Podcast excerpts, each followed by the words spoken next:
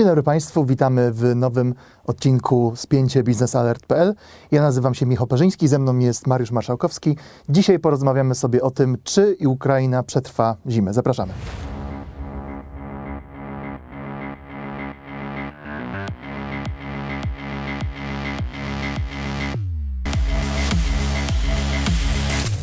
Dzień dobry Państwu jeszcze raz. E, Michał Perzyński, Mariusz Marszałkowski. Temat dzisiejszego spięcia to sytuacja w ukraińskiej mm, energetyce. E, Mariusz, e, ostatnio mieliśmy informację o tym, że Rosjanie kontynuują ataki na ukraińską infrastrukturę energetyczną. Mamy sygnały że już 40% ukraińskiej infrastruktury energetycznej zostało zniszczone. Czy e, można jakoś naprawić te straty tak, żeby, no cóż, no, żeby nasi wschodni sąsiedzi jakoś mogli przetrwać tę zimę? To znaczy rzeczywiście e, Rosja od e, mniej więcej 10 października, bo wtedy zaczęły się pierwsze fale takich bardzo potężnych ataków e, lotniczo-rakietowych na instalacje energetyczne Ukrainy. Od tego czasu w zasadzie Rosjanie bez przerwy ostrzeliwują tą infrastrukturę energetyczną należącą do Ukrainy. Tak jak powiedziałeś, w, zgodnie z oficjalnymi przekazami ukraińskimi około 40% tych obiektów obiektów e, energetycznych Ukrainy zostało może nie tyle zniszczonych, bo to jest takie dosyć... Są uszkodzone i mm, Zostały mogą... porażone. Czyli jeżeli na jedną e, elektrownię spadły trzy rakiety, mm, to już jest liczone jako porażenie, jako uszkodzenie. Natomiast e, to nie jest tak, że to jest strata bezpowrotna. To znaczy Większość z tych ataków, które dotychczas były przeprowadzane na ukraińską infrastrukturę energetyczną, była prowadzone na cele mm, związane m.in. z rozdzielniami elektrycznymi, z punktami przesyłu, dystrybucji energii w taki sposób, aby nie wyłączyć całkowicie źródeł wytwórczych energii na Ukrainie, ale żeby sparaliżować system przesyłu energii wewnątrz Ukrainy. Czyli celem na przykład rosyjskich ataków było wyizolowanie po konkretnych obszarów ukraińskich, e, ukraińskiego państwa. W tych pierwszych dniach głównie to był e, Kijów, Dnipro czy, czy obwód Dnipropietrowski. I rzeczywiście te ataki w takim wymiarze samych ataków one powodowały przerwy i e, zakłócenia w dostawie i produkcji energii, bo po prostu na przykład część bloków e, energetycznych musiały być wyłączonych ze względu na to, że po prostu nie było produkcji, nie było możliwości wytransferować tej energii poza blok elektrowni do odbiorców. I te ataki były e, prowadzone w zasadzie regularnie. Mało jest informacji, czy mało widzimy informacji dotyczących rzeczywistej skali zniszczeń, bo ani Ukraińcy, znaczy to jest przede wszystkim cel y, taki pierwszy, jakby po pierwsze Ukraińcy apelują do społeczeństwa i sami też nie, nie, nie informują, nie pokazują skali zniszczeń tych obiektów. Chodzi o żeby nie siać paniki. To jest jedno, czyli żeby nie siać paniki, ale z drugiej strony też, żeby nie pokazywać Rosjanom efektów tych ostrzałów. Czyli jeżeli mamy atak rakietowy na elektrownię, czy jakiś obiekt energetyczny na Ukrainie, to Ukraińcy mówią o, e, o, powiedzmy o porażeniu tego obiektu. Często nawet mówią o jego całkowitym zniszczeniu. Natomiast e, ostatecznie okazuje się, że na przykład z tych, e, te rakiety, które spadły, niekoniecznie wyrządziły takie straty, o jakich mówią Ukraińcy. To oczywiście ma dwa wymiary. Pierwsze właśnie, żeby nie siać paniki aż takim stopniu, jak żeby nie było to pokazane społeczeństwu jako unicestwienie ukraińskiej energetyki, bo tak się nie dzieje. Natomiast drugi efekt to jest po prostu, żeby nie ułatwiać Rosjanom powtórnych ataków. I tutaj jest przykład z marca. W marcu tego roku Rosjanie ostrzelali rafinerię w Kremenczuku. To jest w zasadzie jedyna działająca, czy do tamtego czasu była jedyna działająca rafineria na Ukrainie. E, już po pierwszym ataku Ukraińcy twierdzili, że ta rafineria została całkowicie zniszczona, czyli że w ogóle nie jest zdatna do funkcjonowania. Później musiało okazać się, że Rosjanie przeprowadzili jakiś zwiat, czy dostali informacje od swoich informatorów, że jednak ta rafineria musi w jakiś sposób działać, że przetrwała ten pierwszy falę ataków, ponieważ y, w maju dokonano drugiego ostrzału tej, tej rafinerii. No i również nie mamy zdjęć, nie widzimy tego, jakie są straty rzeczywiste. Natomiast y, tak samo nie wiemy, jakie są straty w, ostatecznie w ukraińskiej elektroenergetyce. Z tego, co wiemy, czy z tego, co widzimy z tych zdjęć, które na przykład pojawiają się przy okazji ataków, y, to że często te rakiety, te, te, te, te pociski, które trafiają w te obiekty, trafiają nie bezpośrednio w samą elektrownię, ale właśnie w obiekty przynależące do elektrowni, czyli na przykład do, do, do, do w obiekty wyprowadzającą energię z. Powiedz w takim razie, jaka jest w tej sytuacji polityka ukraińskiego rządu. Mamy, słyszymy o apelach władz ukraińskich do e, obywateli o oszczędzanie energii, mhm. o zachowanie spokoju. Mieliśmy też na przykład wicepremier ukraińską Irynę Wereszczyk, która apelowała też do Ukraińców przebywających poza granicami kraju, żeby zostali tam na zimę, dlatego że sytuacja może być ciężka. Y, mhm. Jakich ruchów w, takich, w takiej sytuacji można się spodziewać ze strony Ukrainy? I powiedz, y, jak wygląda sprawa z naprawianiem tych strat?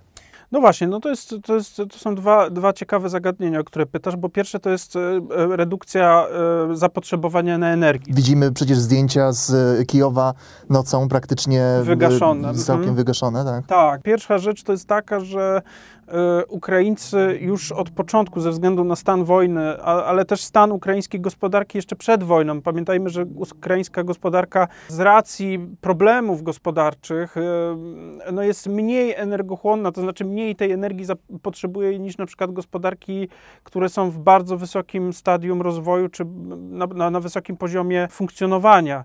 E, ukraińska energetyka odziedziczona jeszcze po czasach Związku Sowieckiego daje bardzo duży no, nazwijmy to bufor bezpieczeństwa. Bo z jednej strony te, te elektrownie w dużej części zostały Ukrainie, natomiast dużo zakładów przemysłowych, które były tworzone pod te elektrownie, czy pod, pod wykorzystanie tej energii, albo jest zniszczonych, albo była już zniszczonych. Część kopalni przecież e, trafiła pod okupację rosyjską na Donbasie jeszcze w 2014-2015 roku, więc automatycznie te, te obiekty zostały skreślone jakby z systemu zapotrzebowania ukraińskiego.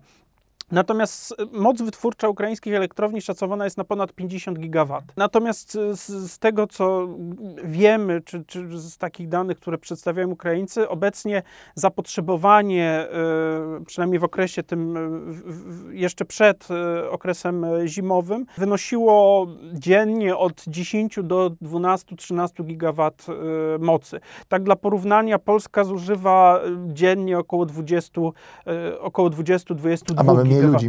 E, no, no, tak, z tym, że teraz no, to się trochę zmieniło, bo mamy więcej uchodźców, mamy więcej migrantów e, ze wschodu, więc e, u nas to trochę, ale mamy przede wszystkim gospodarkę funkcjonującą w, w normalnym trybie, więc tutaj to zapotrzebowanie u nas jest wyższe niż na Ukrainie, natomiast moce wytwórcze na Ukrainie są potężne. I nawet przy wyłączeniu czy utracie części aktywów, bo Ukraińcy szacują, że mm, do momentu tych pierwszych ataków, czy, czy, czy powiedzmy do połowy października e, z systemu e, elektroenergetycznego Ukrainy wyparowało, nazwijmy to, około 10 gigawatów mocy. Czyli z tych 50 gigawatów zrobiło się około 40.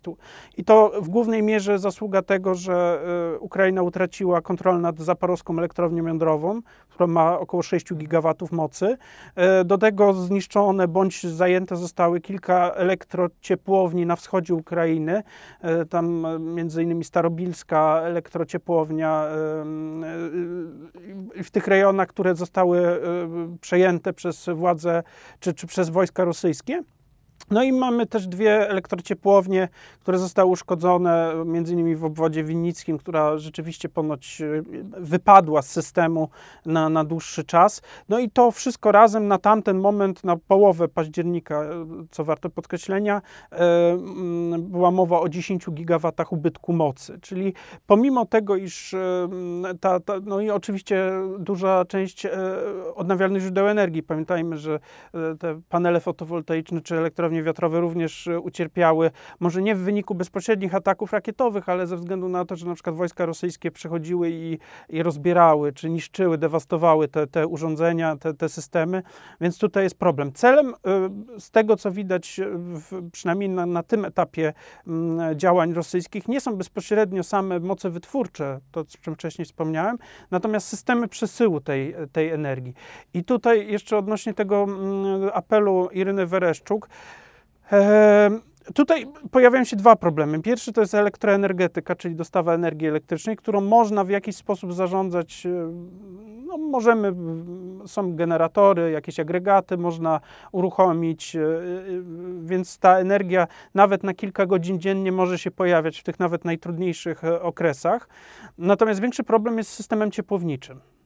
I tutaj rzeczywiście ataki te rosyjskie były też skierowane na różne węzły ciepłownicze, e, na też elektrociepłownie i w obliczu zbliżającego się sezonu e, jesienno-zimowego, czy już trwającego jesiennego, a za chwilę zimowego, brak ciepła jest znacznie większym problemem nawet niż brak energii elektrycznej, bo e, ludzie przy temperaturach minusowych będą po prostu no, w bardzo trudnej sytuacji. Nie mówię tutaj o tych, co mieszkają w domach, bo ci sobie w jakiś sposób mogą poradzić, jeżeli mają piece. Natomiast ci, co mieszkają w mieszkaniach, no trudno w bloku 15-piętrowym, e, żeby każdy miał jakieś swoje źródło ciepła.